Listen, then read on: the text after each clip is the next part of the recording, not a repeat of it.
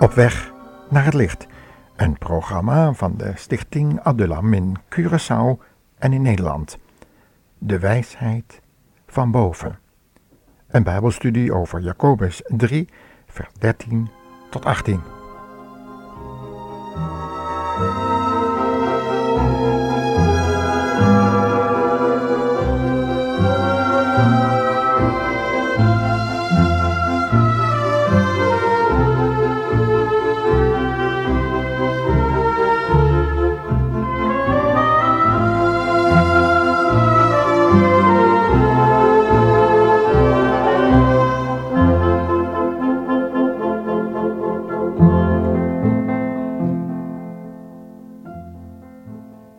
Vredestichters zijn over het algemeen wijze mensen. Ze hebben geleerd hoe ze met mensen moeten omgaan en op welke manier ze conflicten uit de weg kunnen gaan of op kunnen lossen. Maar helaas zijn wij als christenen niet altijd aan dat vredestichtende werk toegekomen. Integendeel, om die vrede te ervaren en door te geven, heb je volgens de brief van Jacobus, hoofdstuk 3, vers 13 tot 18, wijsheid van boven nodig. Luister maar eens wat we in dit programma van de apostel willen doorgeven. Hij zegt daar: Wie is wijs en verstandig onder u? Dat kan alleen maar blijken uit iemands goede daden en liefdevolle wijsheid. Maar als u door jaloezie en ruzie vol wrok zit, kunt u zich nergens op beroemen. Dan zou u de waarheid geweld aandoen. Want jaloezie en egoïsme lijken in de verste verte niet op Gods wijsheid. Nee, ze zijn aards ongeestelijk en duivels. Waar jaloezie en eerzucht zijn, vindt u ook wanorde en meer van dat kwaad. Maar de wijsheid die van God komt, is bovenal zuiver. Zij is ook vreedzaam, vriendelijk en beleefd. Ze is bereid tot praten en anderen gelijk te geven. Zij leeft intens met anderen mee en doet veel goed. Ze spreekt recht uit en is zeker en oprecht. Vredestichters zaaien vrede en zij oogsten goedheid en rechtvaardigheid.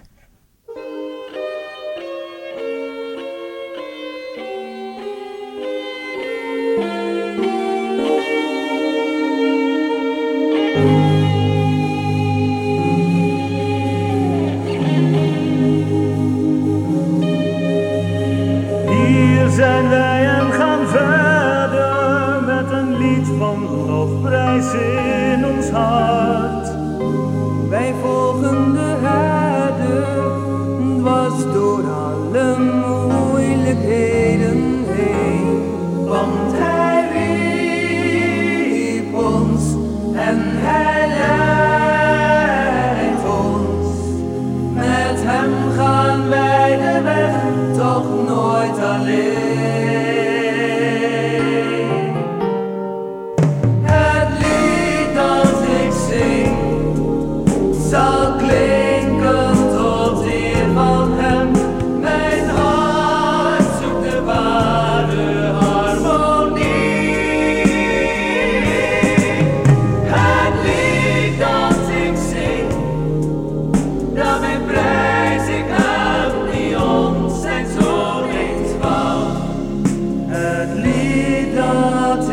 sin.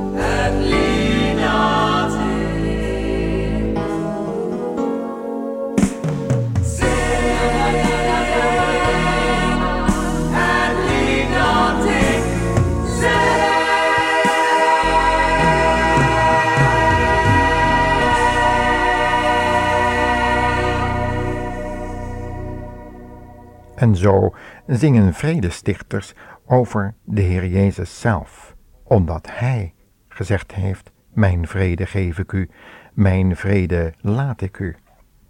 Wanneer we Hem in ons leven aannemen, dan is er die wijsheid en verstandigheid die boven is.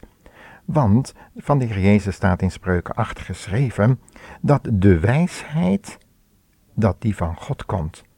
En ook zichtbaar is geworden in de Heer Jezus zelf.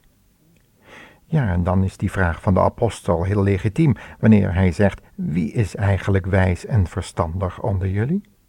Dat maakt ons geweten wakker. Want hij verbindt zijn vraag namelijk aan onze christelijke levenswandel. Wijsheid betekent namelijk niet het hebben van veel kennis of intellect. Dat is eigenlijk heel beperkt. Maar echte wijsheid is toegepaste kennis. Dat soort kennis heeft veel meer te maken met godsvrucht, waarover Paulus schreef aan de gelovigen in Efeze.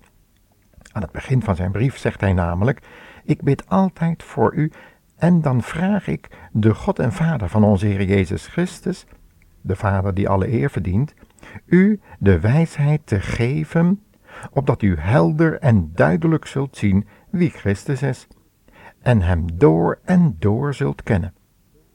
Het is dus een wijsheid die alles te maken heeft met het hebben van een relatie met Christus Jezus als Heer. Hij die door Paulus aan het begin van zijn brief aan de Corinthiërs de kracht Gods en de wijsheid Gods wordt genoemd. In een van onze vorige uitzendingen hoorden we over de invloed van het menselijk denken, waardoor Paulus eh, de ijdele filosofie wordt genoemd. En eigenlijk heeft dat op het geestelijk leven van de gemeente een hele ernstige, destructieve invloed gehad. Een afbrekende invloed. En in het schriftgedeelte van vandaag, het derde hoofdstuk dus van de Jacobusbrief, worden de zonden van de tong genoemd, die ook alles met ijdele filosofie te maken heeft. Jacobus begint zijn lezers namelijk erop te wijzen dat het helemaal niet goed is om te denken dat iedere gelovige ook gelijk een leraarsgave heeft. Bovendien wijst hij erop dat een leraar wel een heel bijzondere verantwoordelijkheid heeft, omdat hij in staat is om hele groepen mensen te beïnvloeden, ten goede of ten kwade. Meestal ten kwade. Een leraar moet in staat namelijk zijn om zijn tong in bedwang te houden, in staat zijn om zichzelf te bedwingen en elke emotie behoorlijk onder controle te houden. En doet hij dat niet, dan blijkt hij met zijn kennis en redenaarskunst een enorme vuurbrand te kunnen laten ontstaan in de toehoorders.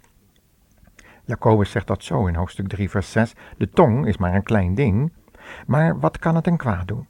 Eén vonkje is al genoeg om een heel bos in brand te zetten. Zo is ook de tong. Ze zit vol venijn en vergiftigt elk deel van het lichaam. De tong zelf wordt in vlam gezet door de hel. Ze zet het hele leven in brand, met als gevolg verwoesting en ellende. En, dat, en juist in dat verband stelt Jacobus dan zijn vraag: wie is wijs en verstandig? Dat kan alleen maar blijken uit iemands goede daden en liefdevolle wijsheid. Kennen we zo iemand in onze omgeving? Wees er dan zuinig op, want zo iemand zal zich beslist niet op de voorgrond willen dringen. Zoals Diotrefus dat volgens Johannes deed in zijn gemeente. Hij zegt daarvan in de derde Johannesbrief, die trotse Diotrefus, die zo graag leider wil zijn. Hij accepteert ons gezag niet eens en weigert te luisteren. Hij weigert ook reizende broeders te ontvangen en houdt mensen tegen die dat wel willen doen. En als ze niet naar hem willen luisteren, nou dan werpt hij ze uit de gemeente. Dat vinden we helaas maar al te veel tegenwoordig. Het is dan ook deze gezindheid die Jacobus aan de kaak stelt in zijn brief. En hij ontmaskert het in het licht van de hemelse wijsheid. Laten we nog eens die gevolgen van aardse wijsheid op een rijtje zetten. Want de filosofie, de retorica en de wijsbegeerte die binnen de christelijke gemeente is doorgedrongen, kunnen hele negatieve effecten veroorzaken. We citeren daarvoor Jacobus 3, vers 1, 2 en 4 tot 16. Luister maar eens hoe verschrikkelijk die gevolgen van dat menselijke en vleeselijke spreken kan zijn als er geen controle van de Heilige Geest van God over is. Want in vers 1 van Jacobus 3 zien we dat de heerszucht de touwtjes in handen wil krijgen. In vers 2 dat er al altijd een neiging is tot struikelen in woorden en werken. En in vers 4 de manipulatie van het zogenaamde log functionerende kerkelijke schip. En in vers 6 het maken van een brandhaard met als gevolg verwoesting ellende. Vers 8 vergiftiging van een geestelijk lichaam, zoals dat zichtbare kerk. Vers 10 de neiging tot dubbelhartig spreken, iemand zelfs willen vervloeken. Vers 11 de creatie van een mengproduct, wereldse en hemelse wijsheid door elkaar heen gehusseld. En vers 14 het gevolg, bitterheid, nijd, twist, leugen, eerzucht, scheuring. Wat een contrast vormt dat dan de tegenstelling van de hemelse wijsheid en haar vruchten. Te weten zegeningen, wijsheid en verstandigheid die zichtbaar worden in goede wandel, zachtmoedige wijsheid door middel van eerlijkheid, oprechtheid, zuiverheid, vreedzaamheid, nederigheid, bescheidenheid, gezeggelijkheid, onpartijdigheid, vol van barmhartigheid en goede vruchten van rechtvaardige daden, die in vrede worden gezaaid onder hen die naar vrede zoeken.